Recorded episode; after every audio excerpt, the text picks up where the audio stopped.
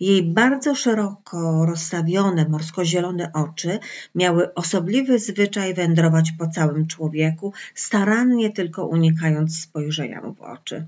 Jej uśmiech ograniczał się do pytającego drgnięcia jednej brwi, a mówiąc, jakby wywijała się z sofy i czyniła wciąż konwulsyjne wypady w stronę trzech popielniczek i kraty pobliskiego kominka, w którym leżał brązowy ogryzek jabłka. Po czym znowu się zapadała, z jedną nogą podwiniętą pod siebie. Była to najwidoczniej jedna z tych kobiet, w których ugładzonej mowie odbija się jakiś klub książki albo kółko brydżowe lub coś równie śmiertelnie konwencjonalnego. Tylko nie własna dusza. Z tych kobiet bez krzty poczucia humoru, w głębi serca kompletnie obojętnych na każdy z około tuzina potencjalnych tematów salonowej konwersacji, lecz nader czułych na reguły obowiązujące w tych rozmowach – przez których słoneczny celofan widać ze szczegółami utajone i dość nieapetyczne frustracje. Byłem jak najdokładniej świadom, że gdyby jakiś niepojęty traf uczynił ze mnie jej lokatora, zaraz wzięłaby się za mnie metodycznie w sprawach dla niej chyba od początku jednoznacznych, ze sprowadzeniem się lokatora. I znów uwikłałbym się w jeden z tych nudnych, tak dobrze mi znanych romansów. Ale moje osiedlenie się tu w ogóle nie wchodziło w grę. Nie mógłbym się czuć dobrze w takim domostwie. Zaprowadzono mnie na górę, do mojego pokoju. Obejrzałem go przez mgłę najgłębszej niechęci.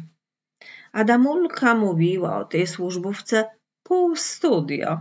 Uciekajmy stąd czym prędzej, powiedziałem sobie stanowczo, udając, że zastanawiam się nad absurdalnie i złowróżbnie niską ceną, jakiej moja smętna gospodyni spodziewała się za łóżko z wyżywieniem. Widzę, że pana to niezbyt zachwyca, rzekła dama, kładąc mi przelotnie dłoń na rękawie. Łączyła w sobie maniery zimnokrwiście wyzywające, przerost czegoś, co bodajże określa się wyrazem obycie, z jakimś zawstydzeniem i żałością powodującymi, że dystans manifestowany przez nią w doborze słów zdawał się tak samo sztuczny jak intonacja nauczyciela wymowy. Przyznaję, że mój dom nie należy do zadbanych, ciągnęła ta przegrana nieszczęśnica, ale zapewniam pana, tu wpatrzyła się w moje usta, że będzie panu bardzo wygodnie. Naprawdę, bardzo wygodnie. A może pan jeszcze obejrzy mój ogród? To ostatnie z nagłym ożywieniem, jakby z ujmującym podrzutem głosu. Niechętnie udałem się z nią jeszcze raz na dół, potem przez kuchnię, w, głąb, w głębi przedpokoju, na prawo, po tej stronie domu, gdzie znajdowała się też jadalnia i salonik. Pod moim pokojem na lewo był tylko garaż. Przeszliśmy przez mały kredens do jadalni, równoległej do podziwianego już przeze mnie saloniku. Na podłodze spostrzegłem białą skarpetkę. Chrząknąwszy z dezaprobatą, pani Hayes schyliła się, nie przystając i wrzuciła ją do szafy koło kredensu.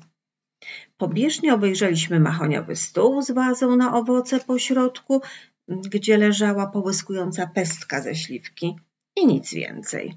Wymacałem w kieszeni rozkład jazdy i wyłowiłem go chyłkiem, aby znaleźć jak najprędzej pociąg. Szedłem jeszcze za panią Hayes przez jadalnię, gdy nagle Tuż za nią buchnęła zieleń.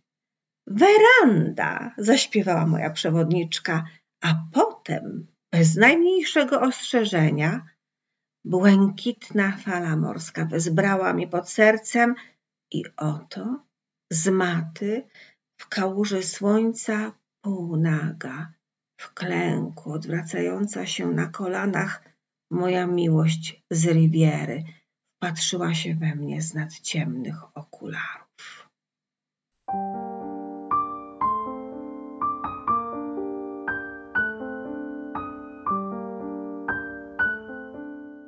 Przeczytałam krótki fragment Lolity Władimira Nabokowa.